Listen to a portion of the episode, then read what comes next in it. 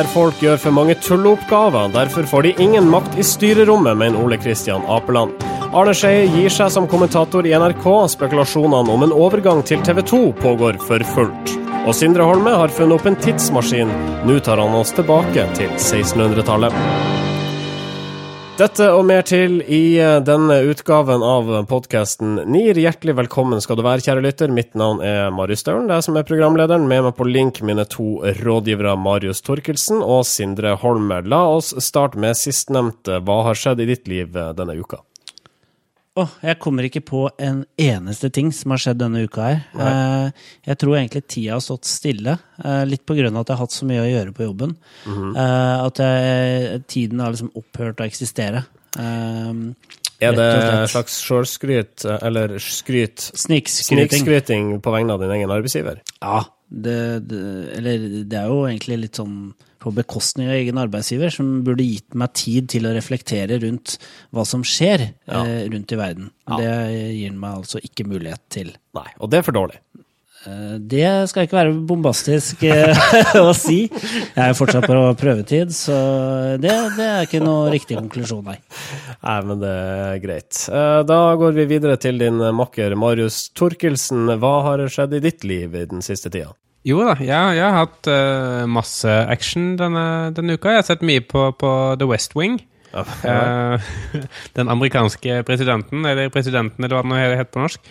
Uh, jeg bestemte meg for å se opp igjen alle episodene. Mm. fordi det er jo en fin serie. Sånn Aaron Sorkins amerikanske politiske utopi.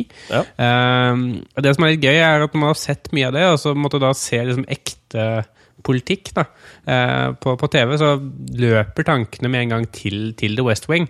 Eh, sånn, sånn, som denne uka når eh, Sylvi Listhaug ble utropt som landbruksminister. Eh, så, så, kom det jo fram at Eh, hun har skrevet kritisk om jordbruksavtalen og kalt den en kommunistisk avtale for, for et par år siden. Ja. Og da tenker jeg bare sånn, Det er sånn typisk ting som ville skjedd i, i, i The West Wing. Sånn, de utroper liksom en ny sånn senator eller noe, og så, kommer, så finner de en sånn gammel sånn, eh, kommentar fra en skoleavis hvor liksom, personen har vært kritiske mot svarte eller eh, et eller annet sånt. Og så må de liksom håndtere det. da. tenker jeg, Nå er det liksom det Erna Solberg gjør. Det, det er mange paralleller der. Eh, eller så eh, tenker, eh, det, noe som har slått meg den siste uka, det er at eh, begrepet regjeringslekkasje uh, er kanskje det mest misvisende begrepet jeg noensinne har hørt. Altså, aldri har vel så mange statsråder blitt lekka før Før på en måte den offisielle presentasjonen av på Slottsplassen. Nei, vi snakker ikke om lekkasjer. Dette her er godt timede fortellinger. Ja, men jeg tror faktisk det er, det er en flom. Altså det er, det, er, rett og slett folk som ikke klarer å holde seg. Ja, jeg, jeg, jeg, som har spredd ut i media. Jeg tror, tror det er masse, altså Alle de måtte, potensielle statsrådene de, de, pleier journalistnettverkene sine. Mm. Uh, de har sikkert brukt masse journalister i valgkampen for å liksom, komme på med saker og sånn, og betaler dem tilbake litt med å si hei, du, jeg kommer til å bli minister. Ikke sier det til noen. Ja, men det, det henger på greip, for den eneste, den eneste ministeren det ikke klarte å lekke Uh, og liksom den siste godbiten, det var jo miljøvernministeren. Uh, som var så ukjent at du hadde antageligvis ikke nettverk. Nei, ja, nettopp, ja. Ikke så det er mulig å bli omtalt i Telen eller et eller annet sånt. eller Osa Fussa-posten og sånt. Men vi fikk ikke med seg. Nei, det gjorde ikke det. Så det er sånn det foregår, altså. Det er sånn lekkasjene eh, kommer i avisene. Ja, igjen, det er akkurat sånn som på, på The West Wing. Der sånn, omgås de journalister, og kanskje de har et forhold til hverandre. det, det, er mye, det, er mye, paralleller mellom uh, amerikansk fiktiv politikk og norsk virkelighet. rådgiveren til Erna Solberg, han er så typisk Josh Lyman. Ja, han er så typisk Josh. Ja. OK. Uh, jeg vet ikke om det er det eneste politiske stoffet vi skal ha i uh, dagens episode. Vi får uh, se. Et frampek har du jo fått innledningsvis. Uh, derfor sier jeg hjertelig velkommen til NIR, episode 45. Norske informasjonsrådgivere. Vi starta sendinga hos Norges Fotballforbund, som har fått mye pass denne uka. Angivelig har de bedt ekstrener Drillo om å si at han slutta av fri vilje, mens de i realiteten sparka ham. Dette for å gjøre overgangen til Per-Mathias Høgmo-regimet så smertefri som mulig. Men Drillo er ikke en person som går stille i dørene, og denne uka tok han til motmæle mot sitt tidligere så kjære NFF. Og nå har folkeopinionen også snudd. Drillo er ikke dust, det er det forbundet, og særlig Yngve Hallén, som er. Ja, um, det var jo en litt sånn klassisk uh, fotballtrener-sluttesak, dette er lenge. Uh, Drillo gikk stille og rolig av, og ny trener kom på plass. Uh, og det er sånn det pleier å skje når en trener får sparken. Altså, uh, man, man uh, lar han bare forsvinne litt sånn ut i ødet, og så skal alle si pene ting om hverandre så lenge det er mulig. det NFF ikke hadde regna med, var jo det at Drillo, og da også kona til Drillo, de kom til å føle seg overkjørt og tråkka på, og kom til å fortelle dette til hele Norges eh, sportsbamse Davy Vatne i beste sendetid. Eh, det har jo gitt NFF et så aldri lite omdømmeproblem.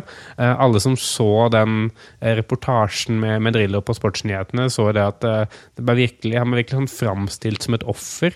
eneste som mangla, var at de måtte filme hele seansen måtte i fugleperspektiv, så han så sånn litt mindre ut. og han hadde sånn lagt opp til at man skulle synes synd på han. Eh, og, og man, da, folk har liksom glemt helt at han fikk sparken fordi han leverte ikke godt nok. Eh, og det har blitt en personalsak. Den saken her har jo vist Det har vært sånn, har vært sånn litt fascinerende å se hvordan mediene og ikke minst folk på Twitter har eh, snudd eh, kappen raskt etter vinden, føler jeg.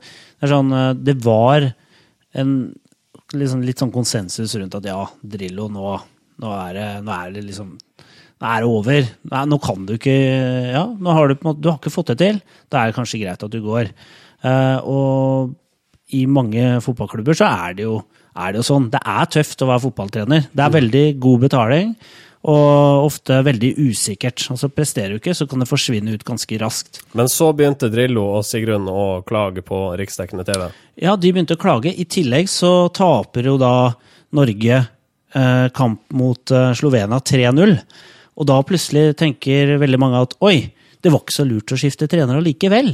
Og da er jo plutselig NFF eh, får masse søkelys på seg, og, og får eh, da skylda for å ha oppført seg dårlig mot Drillo, som jo tross alt ikke ville tapt 3-0, men kanskje 2-0. Ja, ikke sant. Det er det. Og det, det ble en veldig sånn klassisk sånn derre Eh, systemet mot den lille mannen-sak, da, som TV 2 er eksperter på å lage, om det måtte, handler om sport eller uh, sykehjemsplasser eller uh, asylbarn eller hva, hva som helst. Det er, det er sjangeren til TV 2. Den eier de.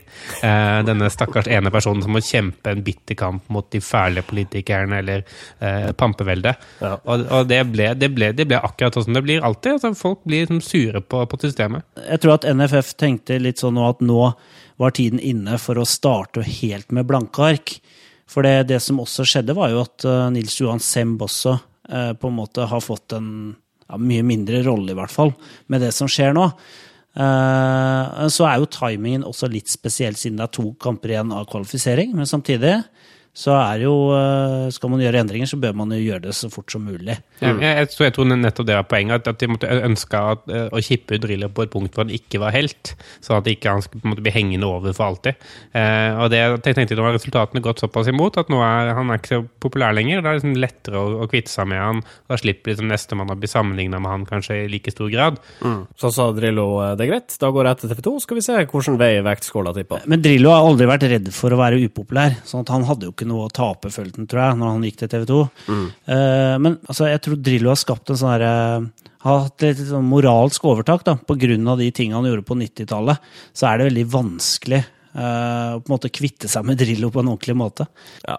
Drillo kommer til å gå igjen i lokalene uh, nede på Ullevål, bare så det er klinkende klart. Ja, altså Hvis han hadde kvalifisert seg til, til VM, så hadde det jo vært et mareritt for, for, for nestemann. uh, for, si, for, å si det sånn, uh, Tom Strømsnes i Åndenes makt bør ikke være redd for å ikke ha stoff til neste sesong.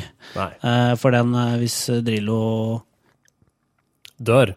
Ta kvelden, for å si det sånn, så vet han hvor han skal finne spøkelser. Og det er på Ullevål stadion i Norges Fotballforbunds lokaler. Ok, Hvem er egentlig dusten her, for å komme tilbake til kjernen av problemet? Er det Fotballforbundet som driter seg ut, eller er det Drillo?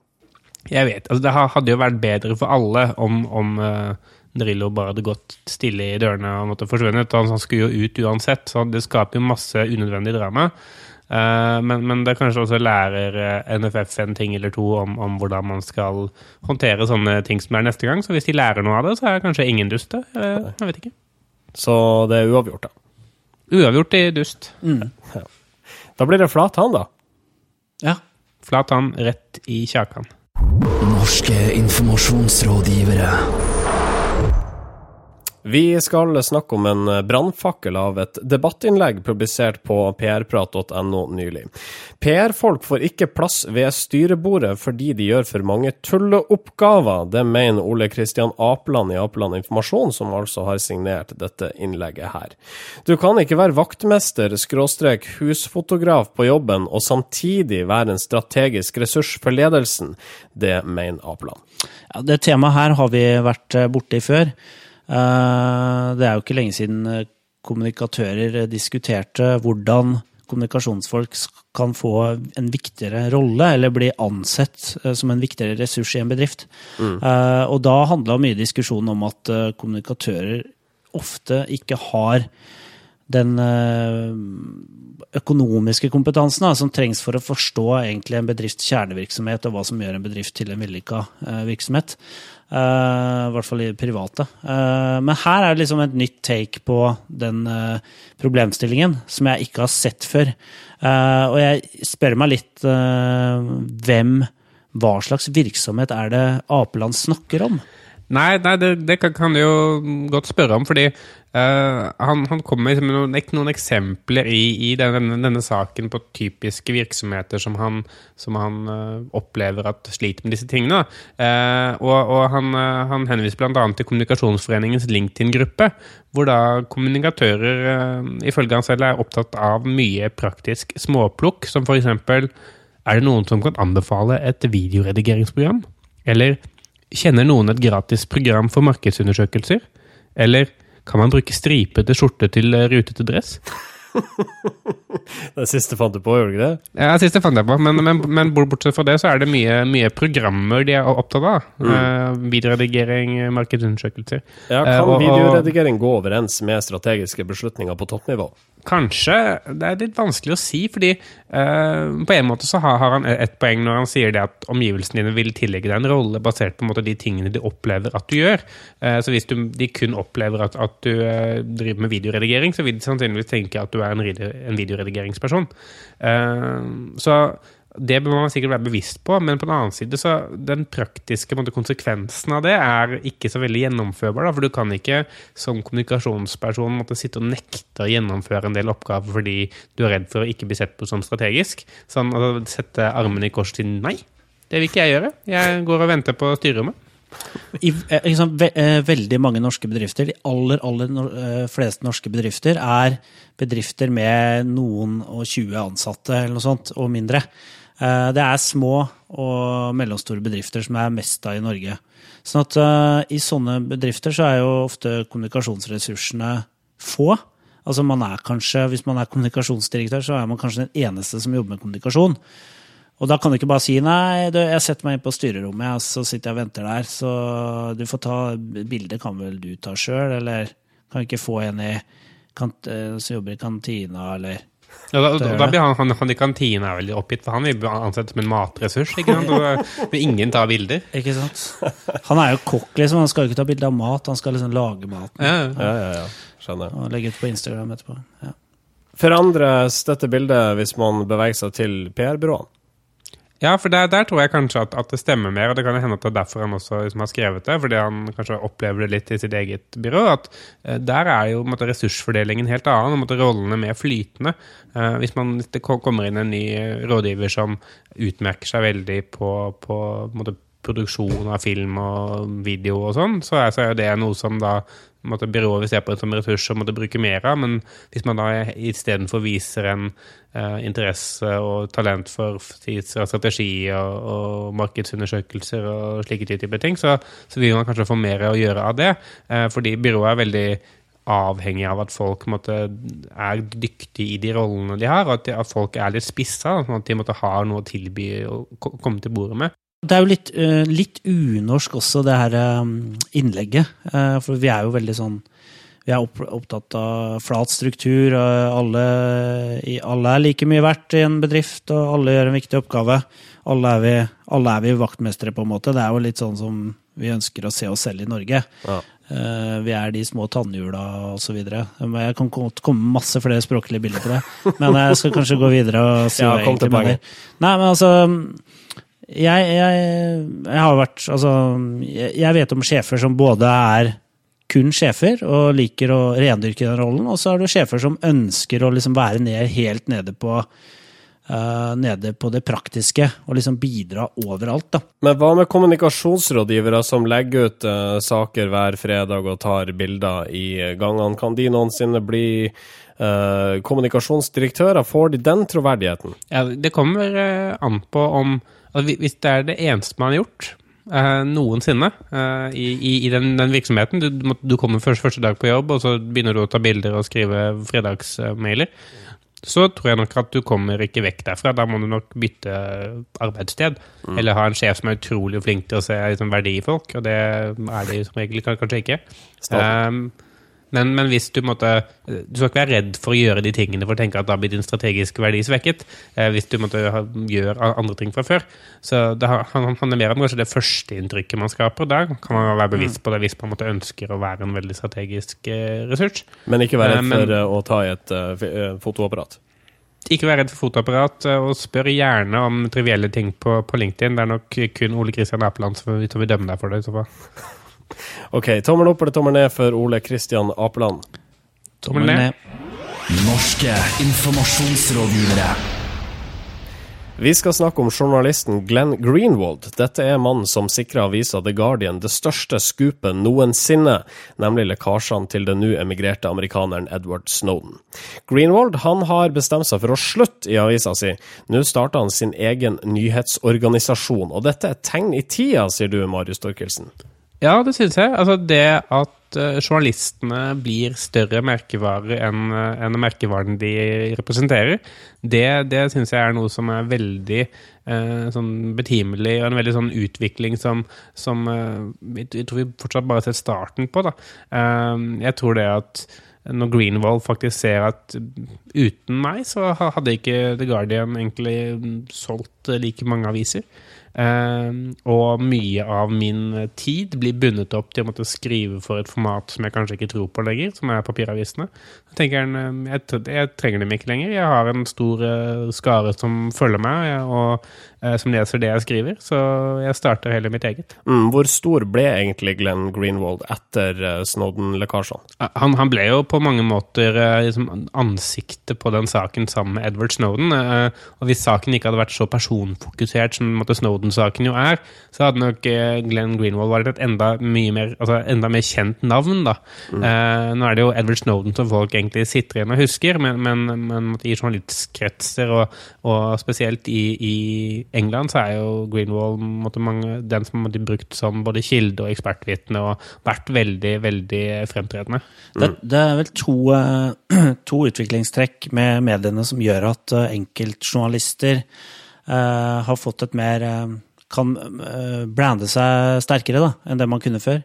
Én ting er jo med at nettjournalistikken har kommet, så har man sett at mediehusene er ikke nødvendigvis garantister for kvalitetsjournalistikk. Altså, de driver med mye annet som overhodet ikke står for kvalitet også, i tillegg til å lage bra saker innimellom. Og så har du de her stadig større byline-bildene som journalister har, som gjør at folk blir mer oppmerksom på navnet og bildet enn nesten saken iblant. Mm. Sånn at fokuset på enkeltjournalister er blitt sterkere, og, man eh, har fått en mer bevissthet rundt at det er journalister som lager kvalitetsjournalistikk, eh, og ikke nødvendigvis mediehus. Men uh, la oss snakke litt om merkevare her også. For én ting er det at Greenwald er en rivende dyktig journalist. En annen er det at navnet hans er ikke like kjent som det The Guardian er. Altså, en av de tingene han, han sier til, til BuzzFeed, da, som omtaler denne saken, det er jo det at uh, han har jo ikke uh, sluppet alt av materiell han har fått fra Edward Snowden ennå. Uh, mm. Han sitter på en del ting som uh, verken The Guardian har fått tilgang til, eller som at britiske myndigheter har fått tilgang til, så han har vel en plan på hvordan han skal publisere dette, og hvilken rate han skal publisere det i. Eh, nettopp for å gjøre den nye, den nye nyhetsorganisasjonen og seg selv aktuell. Det, det, er jo i seg selv litt uh, interessant, fordi at uh, uh, av hensyn til kildevern og sånn, så skjønner jeg det. At han kan sitte på en del informasjon som ingen andre i The Guardian har oversikt over. Men det er noe med det når man jobber i mediehus. Hvem er det som egentlig eier eh, kunnskapen din, da, mm, som du har mm. tilegna deg i arbeidstida di? Så det er jo en eh, litt interessant eh, diskusjon. Kan han bare ta det med seg videre og starte Det er jo på en måte innhold Det er et slags intellektuelt åndsverk som han tar med seg videre. da. Mm. Ja, jeg, jeg tror, det også jeg vet, I, i denne saken så har det vært litt sånn spenning mellom han og The Guardian, fordi The Guardian har ønsket også å melke denne saken så lenge som mulig og slippe litt, litt informasjon over en lang periode for å holde opplaget oppe. Eh, samtidig så har han ønsket også å sluppe ting litt raskere faktisk enn det The Guardian har. Så han har jo eh, gjort egne avtaler med eh, utenlandske aviser i Brasil og Frankrike og osv. Måtte skrevet e egne saker for de avisene. Eh, måtte lokalvinkla det, for, for, å si det sånn, eh, på stoff som The Guardian ikke ville slippe. Uh, så han har måtte, allerede måtte, gått utenfor og måtte begynt å operere på egen hånd. han har sikkert ikke vært fast ansatt med en frilanser de har brukt på fulltid. Så det har vært en form for strategi bak det her en stund, da, så ser det ut som. Mm. Og en sånn type journalist vil jo ha en stor eh, verdi. Eh, han vil jo kunne starte sitt eget mediehus egentlig, og kunne lykkes ganske godt med det. Mm. For det er, et, det er, et, stort marked for eh, den type journalistikk globalt, for han opererer jo globalt. Men du ser også her hjemme, du har journalister som har gjort uh, lignende ting. altså Eh, journalister som har slutta i Stavanger Aftenblad, starta et eh, magasinet som heter Plott, som er gravejournalistikkmagasin. Og så er det jo Kjetil Østli, som var en veldig god featurejournalist i Aftenposten A-magasinet, som også har starta et nettmagasin. Og, og, myndighetene har jo også vært uh, inne på tanken, eller Kulturdepartementet har vært inne på tanken om å, om å måte, gi stipender til gravejournalister, eller på en måte subsidiere eh, kvalitetsjournalistikk. Da. Eh, og det er jo da på liksom eh, På tvers av mediehus, eller kanskje det, eller det perspektivet er interessant, da, for det, det viser også at uh, mediene ikke nødvendigvis er garantister for kvalitetsjournalistikk, men det er den enkelte flinke journalist. Mm. Uten å bruke for mange kjedelige ord som uh, forretningsmodell, så må jeg si at dette er jo en ganske Dette er starten på en helt ny måte forretningsmodell. Da, uh, hvor uh, man ser jo det altså, Diskusjonen de siste dagene har måttet gått litt på dette med hva som vil skje med pressestøtten når vi får ny regjering, en pressestøtte som trengs fordi mediehusene måtte, er avhengig av den for å drive eh, forsvarlig, på en måte, for, at folk skal få lønn og osv. Eh, hvis man kan måtte, ha mye slankere nyhetsorganisasjoner som kan operere på en like god måte og få en like stor distribusjon, hvor måtte, nett er den eneste kanalen de har, eh, uten at de har noen strukturer de trenger å forholde seg til, som trykkerier og papir og alt sånt, så så er det noe som jeg tror eh, er viktig at uh, f.eks. Kulturdepartementet støtter opp under. Da, og, og at uh, initiativ som dette her er bare starten på måte, noe vi kommer til å se mer av. tror jeg. Ok, så tommel opp eller tommel ned for journalister som starta opp mediehus på egen hånd? Tommel opp. Tommel opp. Og nå tar vi turen til kommentatorbua på Ullevål. Legenden Arne Skeie har nå bestemt seg for å legge fotballen på hylla. Cupfinalen mellom Molde og Rosenborg blir hans siste bak mikrofon, det melder Aftenposten. Og ikke bare det, Skeie slutta like gjerne i NRK også, han går av til våren etter å ha kommentert hopp frem til da. Kan mannen forsvinne til en konkurrerende kanal, f.eks. TV 2? Ja, Skeie sier jo selv at uh, han regner jo ikke med at NRK hyrer han inn for å kommentere noe etter cupfinalen. Mm. Så det er jo en uh, slags indirekte invitas invitasjon til at det kan jo noen andre gjøre. Uh, da kan noen andre hyre meg. jeg jeg syns det er litt sånn interessant å se. Arne Skeie, som er kanskje den mest NRK identiske journalisten som, som finnes i dag. Eh, å se han i en annen eh, situasjon, se han på Max f.eks., det, det hadde jeg ikke klart å se for meg. Nei, jeg, jeg syns det er jo litt interessant med tanke på det at eh, TV 2 skal jo sende en del av Sotsji-OL til, til, vinteren. Og, og, og, det betyr jo det at de trenger kommentatorer, og de trenger ekspertkommentatorer.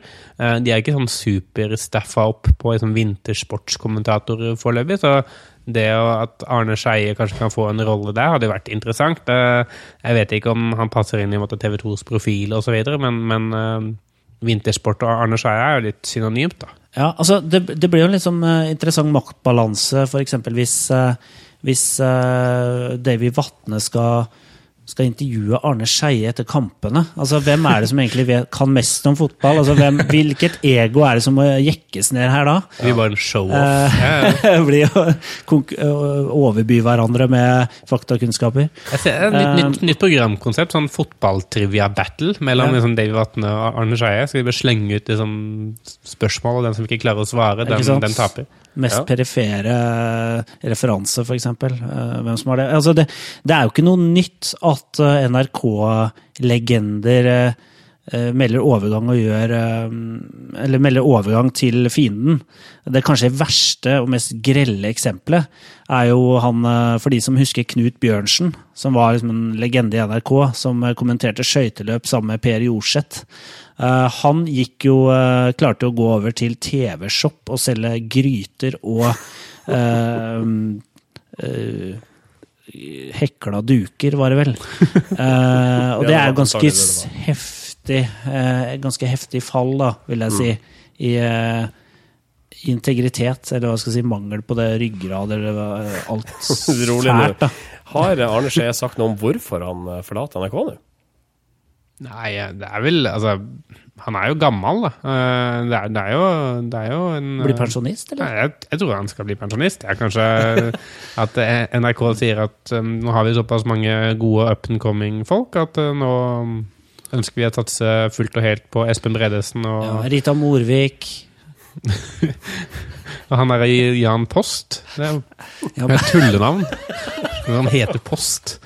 Um, ja, altså de, Disse folkene her skal nok i større grad da bli neste generasjons uh, kommentatorstemmer. Mm. Uh, det er jo en naturlig foryngelse, men jeg tror fortsatt at Skeie har noe å fare med uh, de kommende årene. Hvor er Dan en opp hen, da, tror du? Jeg, jeg, tror som sagt han kommer til å kommentere vintersport på TV 2 under OL. kanskje hopp, for eksempel. Kan mm. han få lov å fortsette med det? Ja. ja, hopp er jo Det, det tror jeg han uh, Forutsatt at TV2 skal sende hopp. Da har jeg ikke den sendeplanen foran meg, men uh, ja, Men ikke freestyle-hopp, tror jeg. Det tror jeg ikke han kommer til å kommentere. Arne Skeie kan kommentere det aller meste, tror jeg. Ellers så tror jeg kanskje han blir med i neste års sesong av Skal vi danse. Det hadde jo passa fint. Ja. Tommel opp eller tommel ned for Arne Skeie? Tommel opp. Tommel opp. Jeg husker Knut Bjørnsen, eller? Ja, men jeg husker han for uh... TV-shop? det er jo utrolig trist hvis folk husker han på var programleder for Lykkehjulet og Ønskebrønnen på TV3. Solgte bøtter og spann. Og spilte seg selv i to episoder av Carl Co. Har gjort det òg? Bare falt på dypere og dypere. Han var dommer i isdans på TV2 2007. er det det som står? Ja. Det er ettermælet, liksom? Ja. Ja, ja. På slutten av 1960-tallet ble han sånn kjent for reklame for vaskemidler. Noe som førte til at han fikk kallenavnet Vaskebjørnsen. Fy faen, han er ikke veldig snill, den der eh, Wikipediaen her. Bare trekker fram de fæle, grusomme tinga. Han var jo, ja, jo programleder Kvitt eller dobbelt. Ja. Ok, uh, vi skal snakke om det semipopulære fremkomstmiddelet Segway. Det kan jo bli lovlig i Norge nå. Uh, og da må vi selvfølgelig ha et godt norsk ord for å beskrive denne farkosten. Det mener i alle fall Språkrådet, som nå har funnet at Segway på norsk, det er ståhjuling. Ja, Språkrådet mener jo at uh, Segway er et veldig unorsk ord, og at det er på tide å finne et ord som kan erstatte det. I tillegg så er jo Segway et varemerke. Et Ja. navn på produsenten. Sånn at uh, hvis det kommer f.eks. flere produsenter, da uh, Hvis uh, Alfa Romeo kommer med sin uh, farkost, uh, så kan man ikke kalle det Segway. Sånn at Det er jo derfor de da kaller det for ståhjuling. Ja. Eh, og jeg syns det er litt artig at de i hvert fall er følge med, da. Eh, og har hatt eh, møter internt på hva er det vi skal gjøre med dette her. Uh, vi kan ikke, sånn kan det ikke være. Eh, Men enn så lenge så er jo Segway eh, kun et egennavn, for det finnes ingen konkurrerende produkter. Det blir jo nesten som om Coca-Cola, da det i sin tid kom, skulle ha hett brun drikk med syrup i, på norsk. Jo, eh, det er for så vidt eh, helt sant. eh, men, men poenget er at vi har noe som heter brus, eh, som, som vi likevel snakker om. Jeg, jeg, jeg begynte jo først når jeg, når jeg fikk den, denne saken, da, så, så gjør jeg som jeg vanlig gjør. Jeg gikk inn på, på Retriever for å se litt er, er dette brukt før, det, dette ordet? Ja. Uh, og jeg må gi litt kudos til, uh, til Språkrådet for å finne et ord som aldri har vært omtalt i norsk presse før. Uh, før de selv kom, kom med det. Ja. Så en stund tenkte jeg jøss, utrolig bra Språkrådet. Så derimot kom jeg over en mørk, mørk hemmelighet. Ståhjuling ble nemlig årets nyord i Sverige i fjor.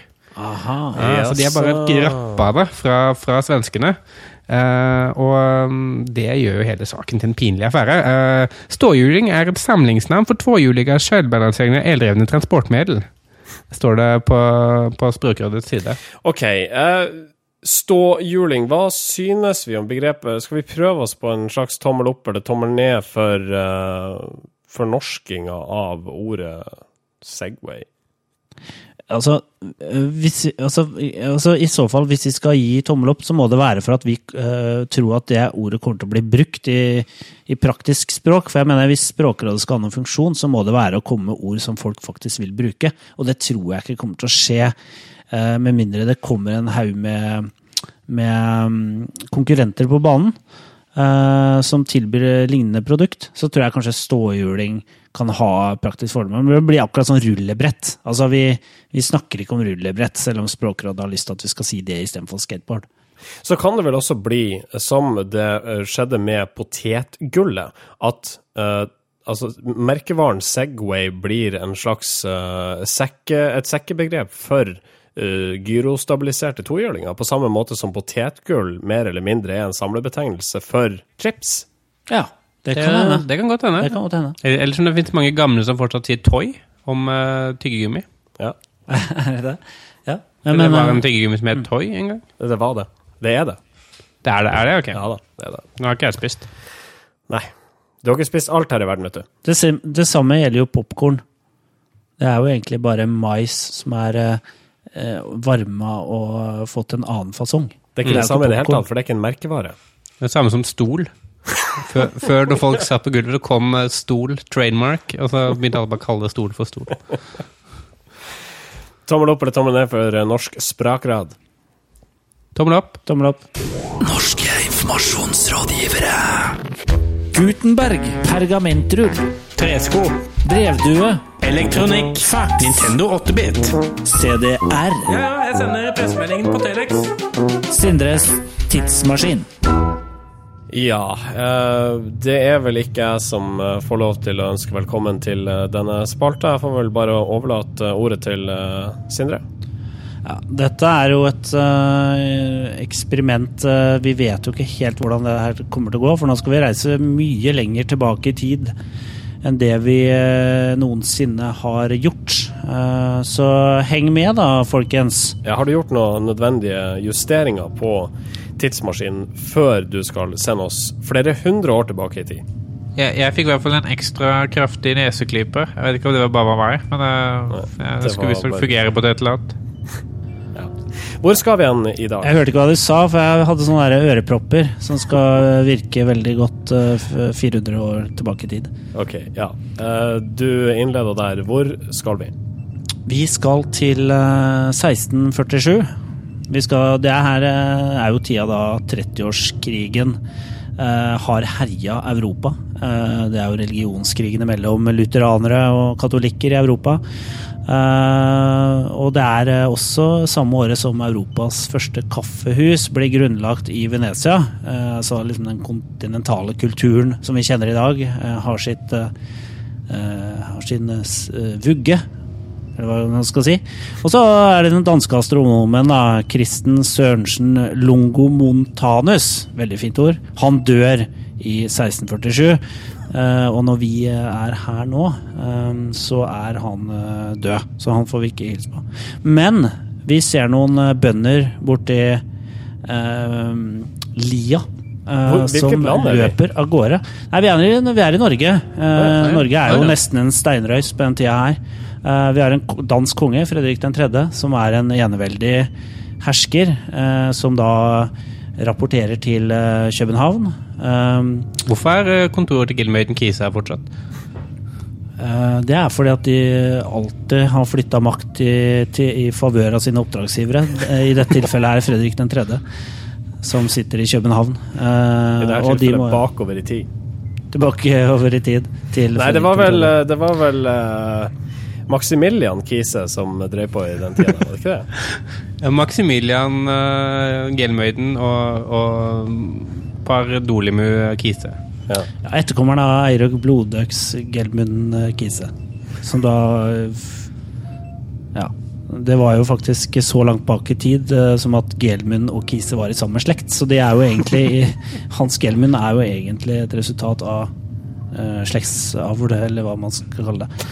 Uh, Innavl, da. Men uh, det er jo en, det er sidespor, for det Det er vi er i inn 1647. Det interessante her er jo at dette er starten på på et moderne Norge. eh, For det er starten på postvesenet i Norge. Og Ja. de første postbøndene eh, ser vi her løpe av gårde med eh, beskjeder eh, til hverandre. På sine små, korte ben. På sine små, korte ben. Det er et halvt eh, Det er en halvmeter mindre enn oss på den tida her. Eh, Vi har jo vokst veldig. Hva før det å være høy var, høy var på moten. Og dette er jo også eh, Vi har jo Dette er jo også det første egentlig vellykka eksempelet på stafettløp i Norge. Eh, for postombæringen i Norge, eh, som starta i 1647, den eh, foregikk etter stafettprinsippet. Der postbønder, tok seg av frakten og da sendte posten til hverandre etter å ha løpt en viss lengde. Eh, Så Det, det, dette var jo mye starten på den kommunikasjonsmodellen vi alle bruker i dag, med liksom avsender, budskap, mottaker, støy eh, og, og feedback. Eh, feedback kom ikke før litt senere, da, men, men eh, starten på posten var også starten på den moderne kommunikasjonsmodellen. Ja, for jeg har stått og lurt på hvordan skal vi komme oss inn i PR-sporet her. Eh, altså, det var jo noen som prøvde på toveiskommunikasjon. eh, men eh, de her postbøndene de løper bare én vei. Eh, men så var det noen som fant ut at uh, ja, men skal du ikke løpe hjem igjen nå? Du skal jo hjem også. Ja. Så der fikk vi toveiskommunikasjon. Så det vi nå, uh, Hans Petter Hansen, uh, hvis du hører på, og dere andre, det med å snakke eh, med folk, og snakke Og ikke snakke til. til altså det, ja, det å snakke med folk og det å snakke toveis, det begynte vi med i 1647. Ja. Så dere er ikke noen innovatører, hvis det er det dere tror? Nei, det er dere ikke. Det har vi eh, vært vitne til eh, her vi står nå. Eh, Postombudbærer Torleif uh, Nygaard Hansen, han, han begynte med det allerede da. Ok, det var interessant om postbærebudene der. Skal vi dra tilbake til vår egen tid? eh, det tror jeg er best, for hvis ikke så tror jeg vi kommer til å bli eh, angrepet av den mobben der borte. Med Nå skal vi fra, fra da, da posten starta til et postmoderne verden. Ukas kudos. Kudosen denne uka går til et nettsted som uh, kan gi oss svaret på hvor mange mennesker som befinner seg i rommet til enhver tid. Helt riktig, for har ikke du også, kjære lytter, eh, lurt på det? Hvem er det som svever uti der nå, Ja. som Laika gjorde i sin tid? Og NIR. Romstasjonen der. Eh, så det, det, den nettsiden der forklarer faktisk at akkurat nå så er det seks personer eh, som er, flyr ute i rymden.